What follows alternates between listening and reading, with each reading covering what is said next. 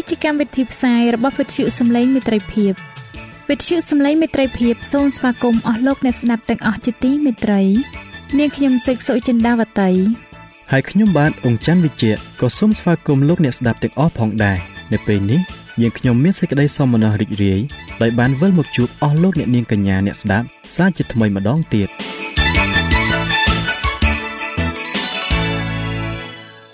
ចា៎លោកអ្នកស្ដាប់ជាទីមេត្រី នាងខ្ញុំសូមគោរពអញ្ជើញអស់លោកលោកស្រីអ្នកនាងកញ្ញាតាមដានស្ដាប់កម្មវិធីផ្សាយរបស់វិទ្យុយើងខ្ញុំដូចតទៅ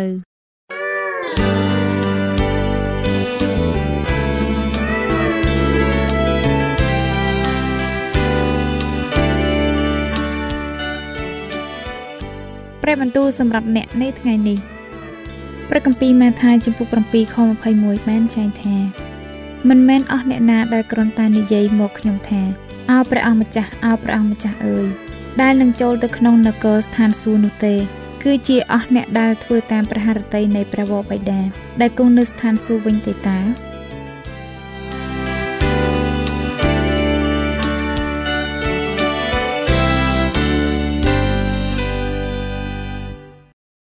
ជំរាបសួរអស់លោកអ្នកដែលកំពុងតែតាមដានស្ដាប់នីតិសភាស្គូលប្រចាំសប្ដាហ៍ទាំងអស់គ្នាជាទីមេត្រី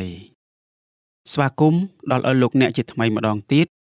សម្រាប់អស់លោកអ្នកដែលបាននិយមតាមដានស្ដាប់នីតិសភាស្គូលរបស់យើងខ្ញុំជារៀងដរាបតមក សម្រាប់មេរៀននៅពេលនេះគឺជាមេរៀនមួយដែលមានចំណងជើងថា ចូលសម្រាកក្នុងព្រះយេស៊ូវសម្រាប់អស់លោកអ្នកដែលចង់បានមេរៀននេះប្រើប្រាស់នៅលើទូរស័ព្ទដៃ Android លោកអ្នកអាចទាញយកបានតាមរយៈ Play Store ដោយវាយពាក្យថាខ្មែរសបាស្គូលអស់លោកអ្នកទាំងអស់គ្នាជាទីមេត្រីតើលោកអ្នកមានអារម្មណ៍ថាលោកអ្នកមានសម្ពាធឥតឈប់ឈរនៅក្នុងជីវិតរបស់លោកអ្នកគ្រប់ពេលវេលាដែរឬទេ ជាការពិតណាស់យើងទាំងអស់គ្នាសុទ្ធតែមានជីវិតរវល់មមាញឹកគ្រប់គ្រប់គ្នាតើយើងអាចមានលទ្ធភាពធ្វើកិច្ចការល្អជាច្រើនសំបីតែកិច្ចការរបស់ព្រះផងដែរឬទេអ្វីអ្វីសុទ្ធតែជឿនលឿនជាងសម័យមុនទាំងអស់ ការធ្វើដំណើរតាមរយៈយន្តហោះទូរស័ព្ទដៃទំនើបឡាន និងកុំព្យូទ័រដូច្នេះតើហេតុអ្វីបានជាយើងនៅតែមានអារម្មណ៍ថានៅតែមិនទាន់គឺយើងនៅតែប្រញាប់ប្រញាល់និងហេវហត់អស់កម្លាំងដោយសារតែធ្វើការហួសល្បត់ទៀតតាំងពីមុនមនុស្សមានបាបព្រះបានបង្កើតថ្ងៃសាបាតនៅក្នុងសួនច្បារអេដែន តើការនេះបង្ហាញយើង អំពីមូលហេតុដែលមនុស្សត្រូវការសម្រាកសូម្បីតែក្នុងផែនដីដ៏ល្អគ្រប់លក្ខមុនមានបាបផងយ៉ាងដូចម្តេចដែរអស់លោកអ្នកជាទីមេត្រីម៉ារីសម្លឹងមើលទៅឯនាឡិកាព្យួរជញ្ជាំងក៏ឃើញថា នៅតែ2ម៉ោងទៀតប៉ុណ្ណោះថ្ងៃសាបាតនឹងចាប់ផ្ដើមហើយពេលនោះម៉ារីមើលទៅអាគារតូចដ៏ក្រៀមក្រំតុក្កតារាយប៉ាយពីពេញបន្ទប់ទទួលភ្ញៀវទាំងអស់ផ្ទះបាយមានសម្រាមរប៉ាត់រប៉ាយ រីឯប្រដាប់ប្រដាកូនលេងក៏រញ៉េរញ៉ៃពេញផ្ទះឯយោវិញកំពុងតែគេងនៅលើគ្រែដោយសារតែមានជំងឺគ្រុនក្តៅម៉ារីបានយល់ព្រមចូលរួមទទួលស្វាគមន៍ដល់ភ្ញៀវនៅឯព្រះវិហារនៅថ្ងៃស្អែកដែលជាថ្ងៃបរិសុទ្ធដូច្នេះម៉ារីនិងគ្រួសាររបស់នាងត្រូវតែចាក់ចេញពីផ្ទះនៅពេលព្រឹកដោយប្រញាប់ដើម្បីទៅចូលរួមកម្មវិធីទទួលភ្ញៀវនោះពេលនោះម៉ារីបានគិតនៅក្នុងចិត្តថា ខ្ញុំសង្ឃឹមថាខ្ញុំអាចរកឃើញពេលវេលា ស្ងប់ស្ងាត់ខ្លះនៅថ្ងៃស្អែកសម្រាប់ខ្លួនខ្ញុំ នៅផ្នែកម្ខាងទៀតនៃទីក្រុងយុះឈរតម្រង់ជួរនៅហាងលក់គ្រឿងទេសចរាចរណ៍នៅលើផ្លូវទៅកាន់ហាងមមាញឹកជាខ្លាំងជួរត្រួតពិនិត្យចេញពីហាងវែងអនឡាញហេតុអ្វីបានជាមនុស្សម្នាក់ម្នាក់ត្រូវការទិញអីវ៉ាន់របស់ពួកគេនៅពេលនេះយុះឆ្ងល់ណាស់ខ្ញុំត្រូវការសម្រាប់ខ្លះគាត់រអ៊ូនៅក្នុងចិត្តតែម្នាក់ឯង ខ្ញុំមិនអាចនៅតែបន្តរវល់បែបនេះទៀតបានទេប្រកាសជាមានជីវិតដែលរវល់ជាច្រើនបែបនេះទៀតនៅក្នុងជីវិតរបស់ខ្ញុំហើយជីវិតនេះពោពេញទៅដោយការប្រញាប់ប្រញាល់គឺជាការទៅធ្វើការម៉ោងទៅជួបគ្រូពេទ្យការសន្ទនានិងកម្មវិធីផ្សេងផ្សេងទិញអីវ៉ាន់ទៅសាលានិងការងារជាច្រើនទៀតរាប់មិនអស់កិច្ចការទាំងនេះធ្វើឲ្យយើងមានអំណរធ្វើឲ្យជីវិតរបស់យើង មានភាពទុក្ខលំបាក នៅពេលជាមួយគ្នានេះ យើងត្រូវប្រុងប្រយ័ត្នកុំឲ្យរវល់រហូតមិនបានសម្រាកនោះឡើយសូមចងចាំនៅអ្វីដែលពិតសំខាន់នៅក្នុងជីវិតដូច្នេះតើយើងរកឃើញការសម្រាកនៅក្នុងជីវិតដ៏រវល់មមាញឹកនេះយ៉ាងដូចម្តេចដែរអស់លោកអ្នកជាទីមេត្រីហេតុដូចម្តេចបានជាព្រះបង្កើតថ្ងៃឈប់សម្រាកមុនពេលមនុស្សនៅលើផែនដីនេះមានការនឿយហត់មកម្ល៉េះ ព្រះគម្ពីរលោកុបាទចំពុក2ខ1ដល់ខ3បានចែងថាដូច្នេះផ្ទៃមេឃនិងផែនដីក៏បានរួចជាស្រេចព្រមទាំងរបស់សពសារពើផងលុះដល់ថ្ងៃទី7ការដែលព្រះទ្រង់ធ្វើនោះបានហើយជាស្រេចទ្រង់ក៏ឈប់ផ្អាកសម្រាប់នៅថ្ងៃទី7នោះគឺពីគ្រប់ការដែលទ្រង់ធ្វើព្រះទ្រង់ក៏ប្រទានពរដល់ថ្ងៃទី7នោះព្រមទាំងញែកទុកជាថ្ងៃបរិសុទ្ធពីព្រោះនៅថ្ងៃនោះ ទ្រង់បានឈប់សម្រាកពីគ្រប់ការដែលទ្រង់បានបង្កើតបានធ្វើអស់លោកអ្នកជាទីមេត្រីព្រះបានបង្កើតថ្ងៃពិសេសមួយឲ្យមនុស្សនឹកចាំពីការសម្រាកគឺថ្ងៃសាបាតថ្ងៃនេះជាពេលដែលត្រូវឈប់សម្រាកហើយនឹងមានអំណរសម្រាប់ជីវិតថ្ងៃសាបាតគឺជាពេលដែលយើងត្រូវអបអរសាទរនៅអំណោយទាននៃស្មៅខ្យល់អាកាសសត្វធម្មជាតិទឹកនិងមនុស្សផ្សេងផ្សេងផងទាំងពួង ជាពិសេសបំផុតថ្ងៃសាបាតគឺជាពេលដែលយើងត្រូវនឹកចាំពីព្រះជាម្ចាស់ព្រះអង្គគឺជាអ្នកដែលបានបង្កើតអ្វីៗទាំងឡាយដែលល្អនិងគ្រប់លក្ខប៉ុន្តែបន្ទាប់មកលោកអាដាមនិងនាងអេវ៉ាបានធ្វើបាបព្រះបានប្រាប់លោកអាដាមនិងនាងអេវ៉ាថា ពួកគេត្រូវតែចាក់ចេញពីសួនច្បារអេដែនតើសេចក្តីអញ្ជើញដែលព្រះទ្រង់បាន បង្កើតឡើងសម្រាប់ឲ្យមនុស្សបានសម្រាកនៅពេលនោះត្រូវចប់ឬអី ទេព្រះចង់បញ្ជាក់ប្រាប់មនុស្សទាំងអស់ឲ្យដឹងថា ថ្ងៃសាបាតនៅតែបន្តជារៀងរហូតដូច្នេះព្រះបានបង្កើតថ្ងៃសាបាតគឺជាផ្នែកមួយនៃពេលវេលា ដែលមានចាប់តាំងពីជីវិតចាប់ផ្ដើមនៅលើផែនដីនេះមកម្លេះបច្ចុប្បន្ននេះ នៅតែមានការអញ្ជើញពីព្រះឲ្យយើងសម្រាករៀងរាល់ថ្ងៃទី7នៃសប្តាហ៍ផងដែរពេលដែលយើងធ្វើការ យើងប្រញាប់ទៅនេះ យើងប្រញាប់ទៅនោះ ប៉ុន្តែទោះបីជាយើង បានលុយច្រើនយ៉ាងណាក៏ដោយ យើងនៅតែមានអារម្មណ៍ថាយើងហាក់បីដូចជានៅ មានកិច្ចការជាច្រើនទៀតដែលត្រូវធ្វើ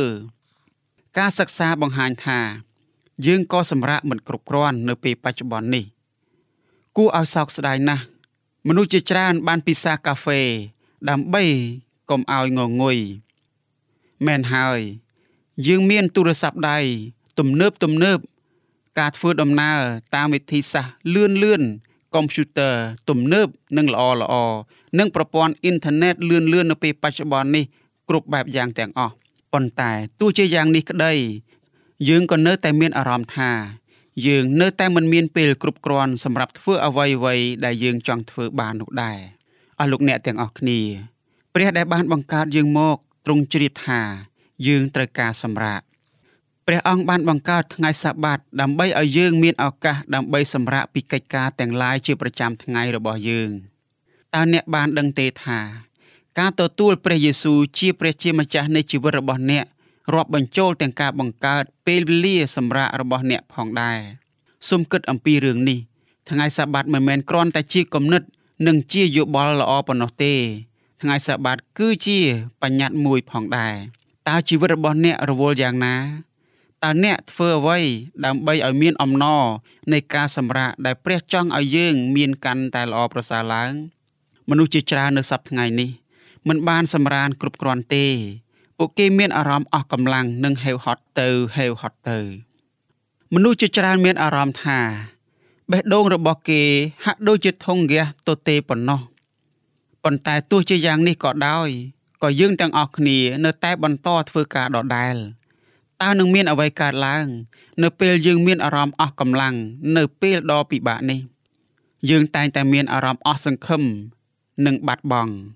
លោកបារុកត្រូវតែមានអារម្មណ៍បែបនោះផងដែរលោកបារុកជាអ្នកជំនួយការរបស់លោកយេរេមៀលោកបានសរសេរថា លោកយេរេមៀបានទទួលសារអំពីព្រះប្រកាសណាស់លោកបារុកមានអារម្មណ៍ក្រៀមក្រំ និងអស់កម្លាំងនៅក្នុងអំឡុងពេលឆ្នាំចុងក្រោយរបស់គាត់មុននឹងបាប៊ីឡូនមកបំផ្លាញទីក្រុងយេរូសាឡឹមទៅព្រះគម្ពីរយេរេមៀជំពូក45ខ1ដល់ខ5បានចែងថានេះជាពាក្យដែលហោរាយេរេមៀបាននិយាយនឹងបារុកជាកូននេរីយ៉ាក្នុងកាលដែលបារុកបានសរសេរពាក្យទាំងនេះចុះក្នុងក្រាំងតាមមាត់យេរេមៀគឺនៅក្នុងឆ្នាំទី4នៃរាជ យេហូយ៉ាគីមជាបុត្រយូសៀសស្ដេចយូដា គឺថាព្រះយេហូវ៉ាជាព្រះនៃសាសអ៊ីស្រាអែលទ្រង់មានព្រះបន្ទូលដល់បារុកឯង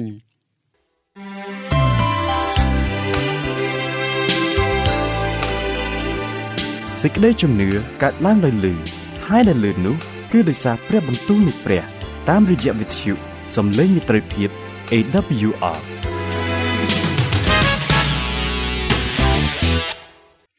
អរលោកអ្នកជាទីមេត្រីដូច្នេះឯងបាននិយាយថាឥឡូវនេះវោហៅខ្ញុំត្បិតព្រះយេហូវ៉ាទ្រង់បានបន្ថែមសេចក្តីសោកសៅដល់សេចក្តីទុក្ខព្រួយរបស់ខ្ញុំ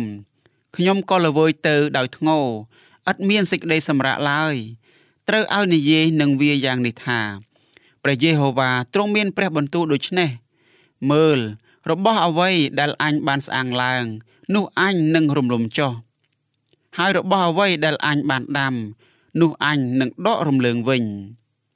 ក៏នឹងធ្វើយ៉ាងនោះនៅពេញក្នុងស្រុកផងដូច្នេះតើឯងស្វែងរកការយ៉ាងធំសម្រាប់ខ្លួនឬកុំឡើយត្បិតព្រះយេហូវ៉ាទ្រង់មានព្រះបន្ទូលថា មើលអញនឹងនាំសេចក្តីអាក្រក់មកលើគ្រប់ទាំងសាច់តែឯជីវិតឯងនោះអញនឹងឲ្យដល់ឯងទុកជារំពា នៅគ្រប់ទីកន្លែងណាដែលឯងនឹងទៅផងអស់លោកអ្នកជាទីមេត្រីយ៉ាងណាទៅចុះប្រសិនបើព្រះបញ្ជូនសារផ្ទាល់ខ្លួនដល់អ្នកដូចជាទ្រង់បានបញ្ជូនសារផ្ទាល់ខ្លួនដល់លោកបារុកតើអ្នកគិតថា អ្នកនឹងមានអារម្មណ៍បែបណាដែរព្រះបញ្ជូនសារផ្ទាល់ខ្លួនដល់បារុកនៅក្នុងអំឡុងពេលឆ្នាំទី4ដែលយេហូយ៉ាគីមសោយរាជជាស្ដេចស្រុកយូដា រឿងនេះកើតឡើងនៅម្ដុំឆ្នាំ605ឬ604មុនគ្រិស្តសករាជព្រះគម្ពីរយេរេមៀជំពូក45ខ3បង្ហាញយើងអំពីរូបភាពពិតប្រាកដនិងមនុស្សម្នាក់ដែលមានអារម្មណ៍នៅពេលដែលធំហ្គាសរបស់គេទទេ យើងដឹងអំពីប្រវត្តិសាស្ត្រនៅពេលនោះដូច្នេះបារុកមិនមែនជាតែរកដែលកំពុងតែយំស្រែកនោះទេ ឬបង្កើតកង្វល់ដ៏ធំ អំពីទទេនោះទេគាត់មានហេតុផលល្អល្អដើម្បីមានអារម្មណ៍អស់សង្ឃឹមនិងអស់កម្លាំងនោះរឿងរ៉ាវអាក្រក់អាក្រក់ជាច្រើន ដែលមាននៅតាមផ្លូវមកតើព្រះឆ្លើយតបទៅនឹងលោកបារុកយ៉ាងណាសូមអានព្រះគម្ពីរយេរេមៀជំពូក45ខ4និងខ5ដើម្បីឆ្លើយទៅនឹងសំណួរនេះចុះលោកបារុកមានអារម្មណ៍ឈឺចាប់យ៉ាងខ្លាំងព្រះ ទ្រង់ក៏មានព្រះハរតីយ៉ាងដូចនោះដែរចម្លើយដែលព្រះបានឆ្លើយទៅនឹងលោកបារុកបានបង្ហាញយើងអំពីការឈឺចាប់របស់ទ្រង់ការឈឺចាប់ដែលព្រះមានជ្រៅជាងអ្វីអ្វីដែលបារុកមានអារម្មណ៍ព្រះបានស្ថាបនាទីក្រុងយេរូសាឡឹមមិនយូរប៉ុន្មានព្រះអង្គបានបណ្ដោយឲ្យពួកបាប៊ីឡូនបំផ្លាញទីក្រុងនោះទៅវិញព្រះបានដាំសាសអ៊ីស្រាអែលដូចជាដាំចំការទំពាំងបាយជូរឥឡូវនេះ ព្រះនឹងបណ្ដោយឲ្យពួកបាប៊ីឡូនដកពួកគេចេញ ដករំលើងទាំងរឹសដែលព្រះអង្គមិនចង់ឲ្យកើតឡើងដោយរាជរបស់ព្រះអង្គនោះឡើយប៉ុន្តែដោយសារតែពួកគេបានបែរប្រឆាំងទាស់នឹងព្រះអង្គដូច្នេះនេះគឺជាវិធីតែមួយគត់ដែលព្រះអាចជួយសង្គ្រោះពួកគេមកវិញបាន មានសេចក្តីសង្ឃឹមសម្រាប់លោកបារុកព្រះនឹងជួយសង្គ្រោះបារុកនៅគ្រាបាត់បង់ដ៏អស្ចារ្យនៅពេលទីក្រុងយេរូសាឡឹមត្រូវបំផ្លាញទៅ អស់លោកអ្នកជាទីមេត្រី ពិតប្រាកដណាស់យើងទាំងអស់គ្នាត្រូវសម្រាកហេតុនោះហើយ បានជាព្រះគម្ពីរទាំងមូលសម្ដែងអំពីគំនិតនេះម្ដងហើយម្ដងទៀតព្រះបានប្រទានការងារឲ្យយើងធ្វើមែនហើយព្រះអង្គក៏ចង់ឲ្យការសម្រាកជាផ្នែកមួយនៃអវ័យវ័យទាំងអស់ដែលយើងធ្វើផងដែរគម្ពីរសញ្ញាចាស់ដាក់បញ្ចូលកិរិយាសព្ទជាច្រើនដែលបង្ហាញពីការសម្រាកនៅក្នុង ព្រះគម្ពីរលោកុបាទជំពូក2ខ2និងខ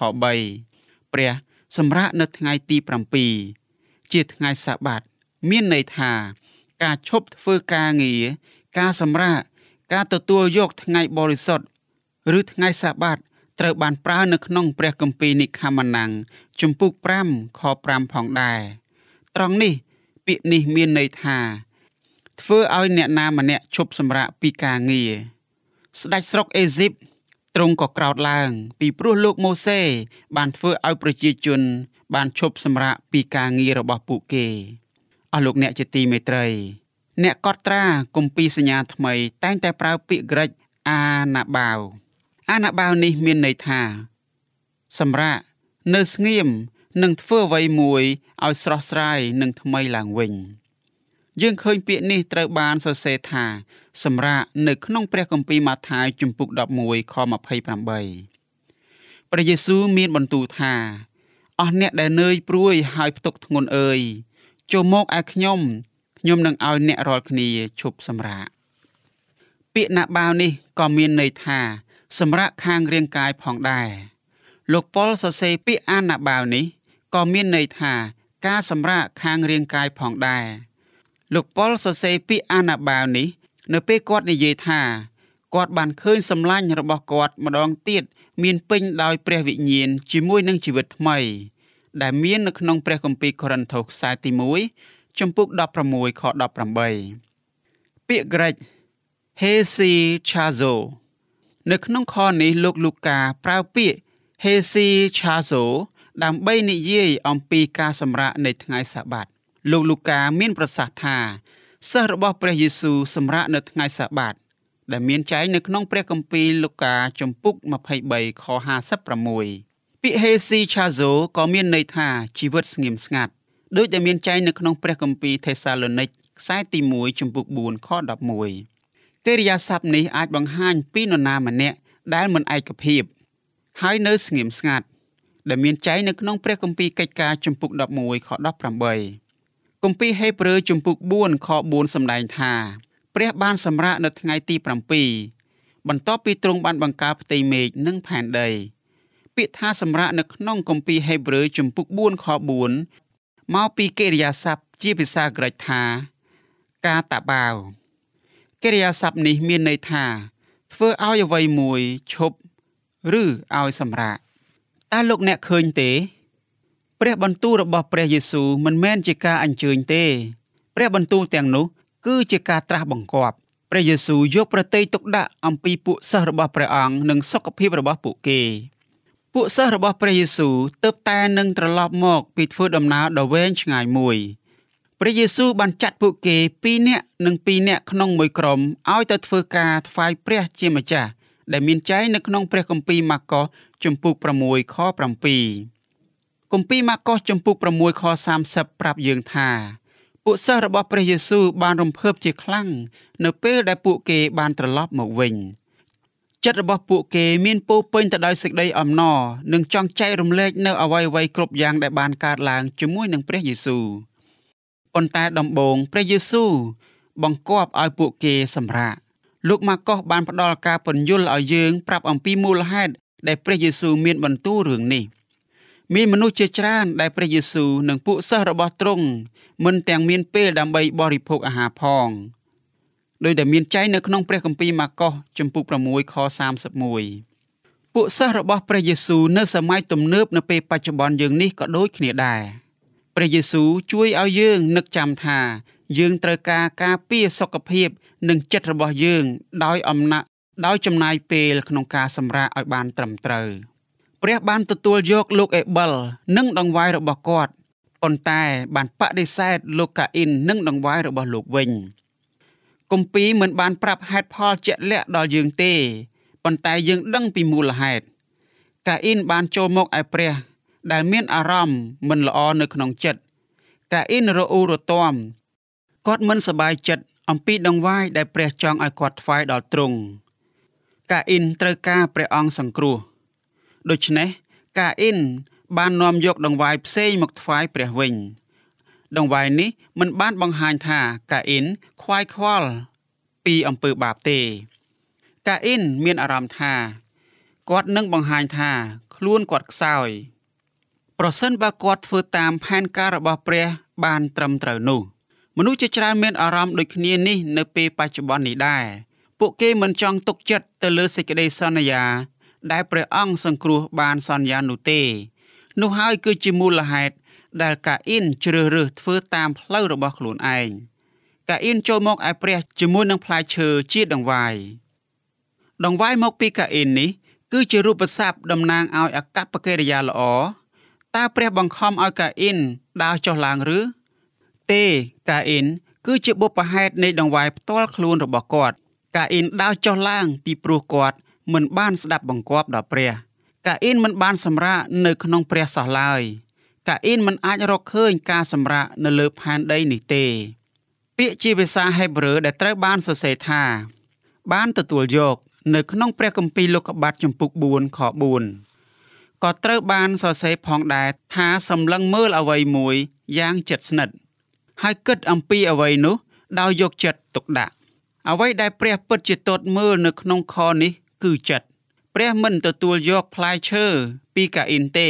ពីព្រោះព្រះអង្គទតមើលយ៉ាងជ្រៅទៅក្នុងចិត្តរបស់កាអ៊ីនព្រះអង្គទតឃើញហេតុផលពិតប្រាកដដែលកាអ៊ីននាំដង្វាយជាផ្លែឈើមក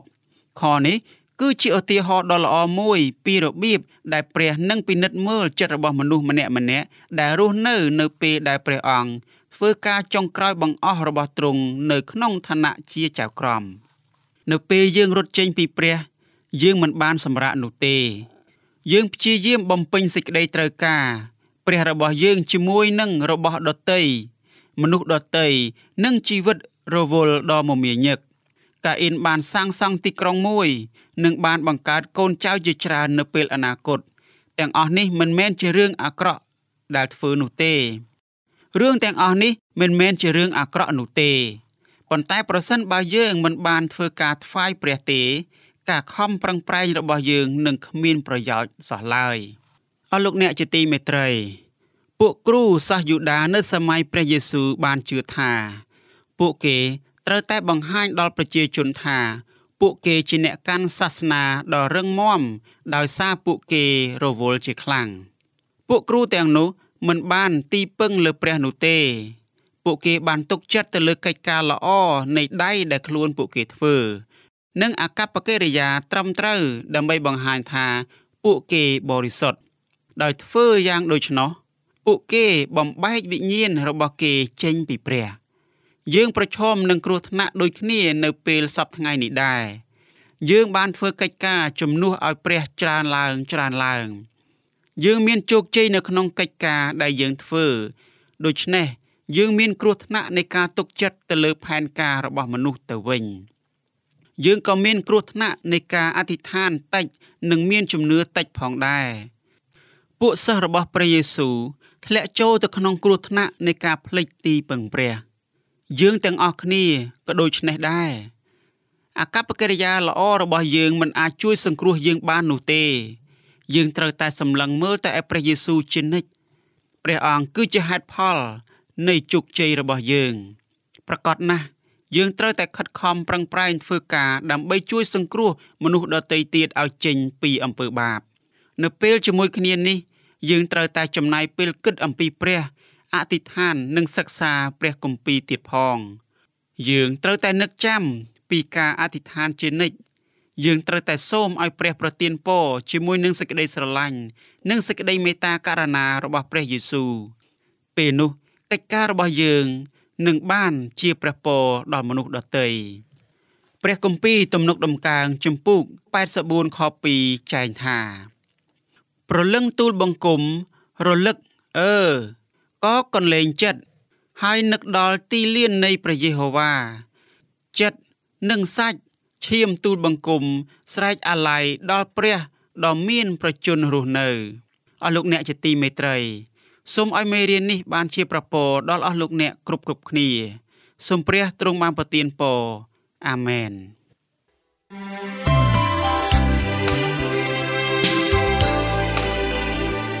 វិទ្យុសំឡេងមេត្រីភាព AWR មានផ្សាយពីរដងក្នុងមួយថ្ងៃគឺព្រឹកនៅម៉ោង6និងពេលយប់នៅម៉ោង8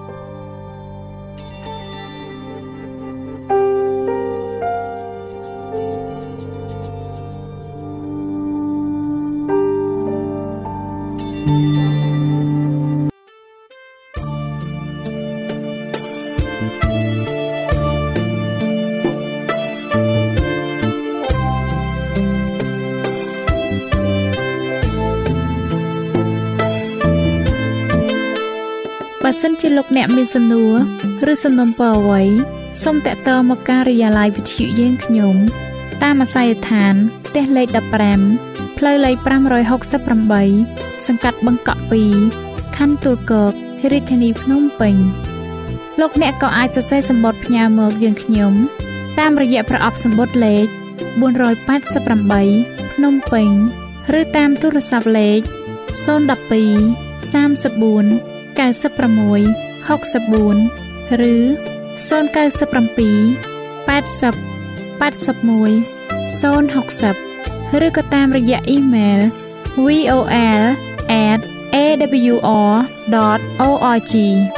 យើងខ្ញុំរងចាំទទួលស្វាគមន៍អស់លោកអ្នកនាងដោយក្តីសោមនស្សរីករាយហើយលោកអ្នកក៏អាចស្ដាប់កម្មវិធីនេះឡើងវិញ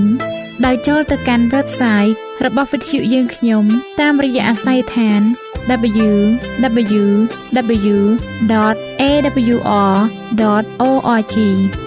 លោកអ្នកនាងកញ្ញាជាទីមេត្រី កម្មវិធីផ្សាយរបស់វិទ្យុសំឡេងមេត្រីភាពនៅពេលនេះសូមបញ្ចប់តែប៉ុណ្ណេះយើងខ្ញុំសូមអរគុណចំពោះការតាមដានស្ដាប់របស់អស់លោកអ្នកតាំងពីដើមរហូតដល់ចប់យើងខ្ញុំសូមជូនពរឲ្យអស់លោកអ្នកនាងកញ្ញាទាំងអស់បានចម្រើនឡើងក្នុងព្រះគុណព្រះអង្គម្ចាស់ ហើយក្នុងការទទួលយកព្រះយេស៊ូវគ្រីស្ទជាព្រះអង្គម្ចាស់និងជាព្រះអង្គសង្គ្រោះនៃយើងរាល់គ្នានាទីផ្សាយរបស់វិទ្យុយើងខ្ញុំនឹងវិលមកជួបអស់លោកអ្នកសាជាថ្មីម្ដងទៀតនៅថ្ងៃស្អែកវេលាម៉ោងដដែលនាងខ្ញុំសេកសុចិន្តាវតីនិងខ្ញុំបាទអ៊ំច័ន្ទវិជ្ជៈសូមអរគុណសូមជម្រាបលា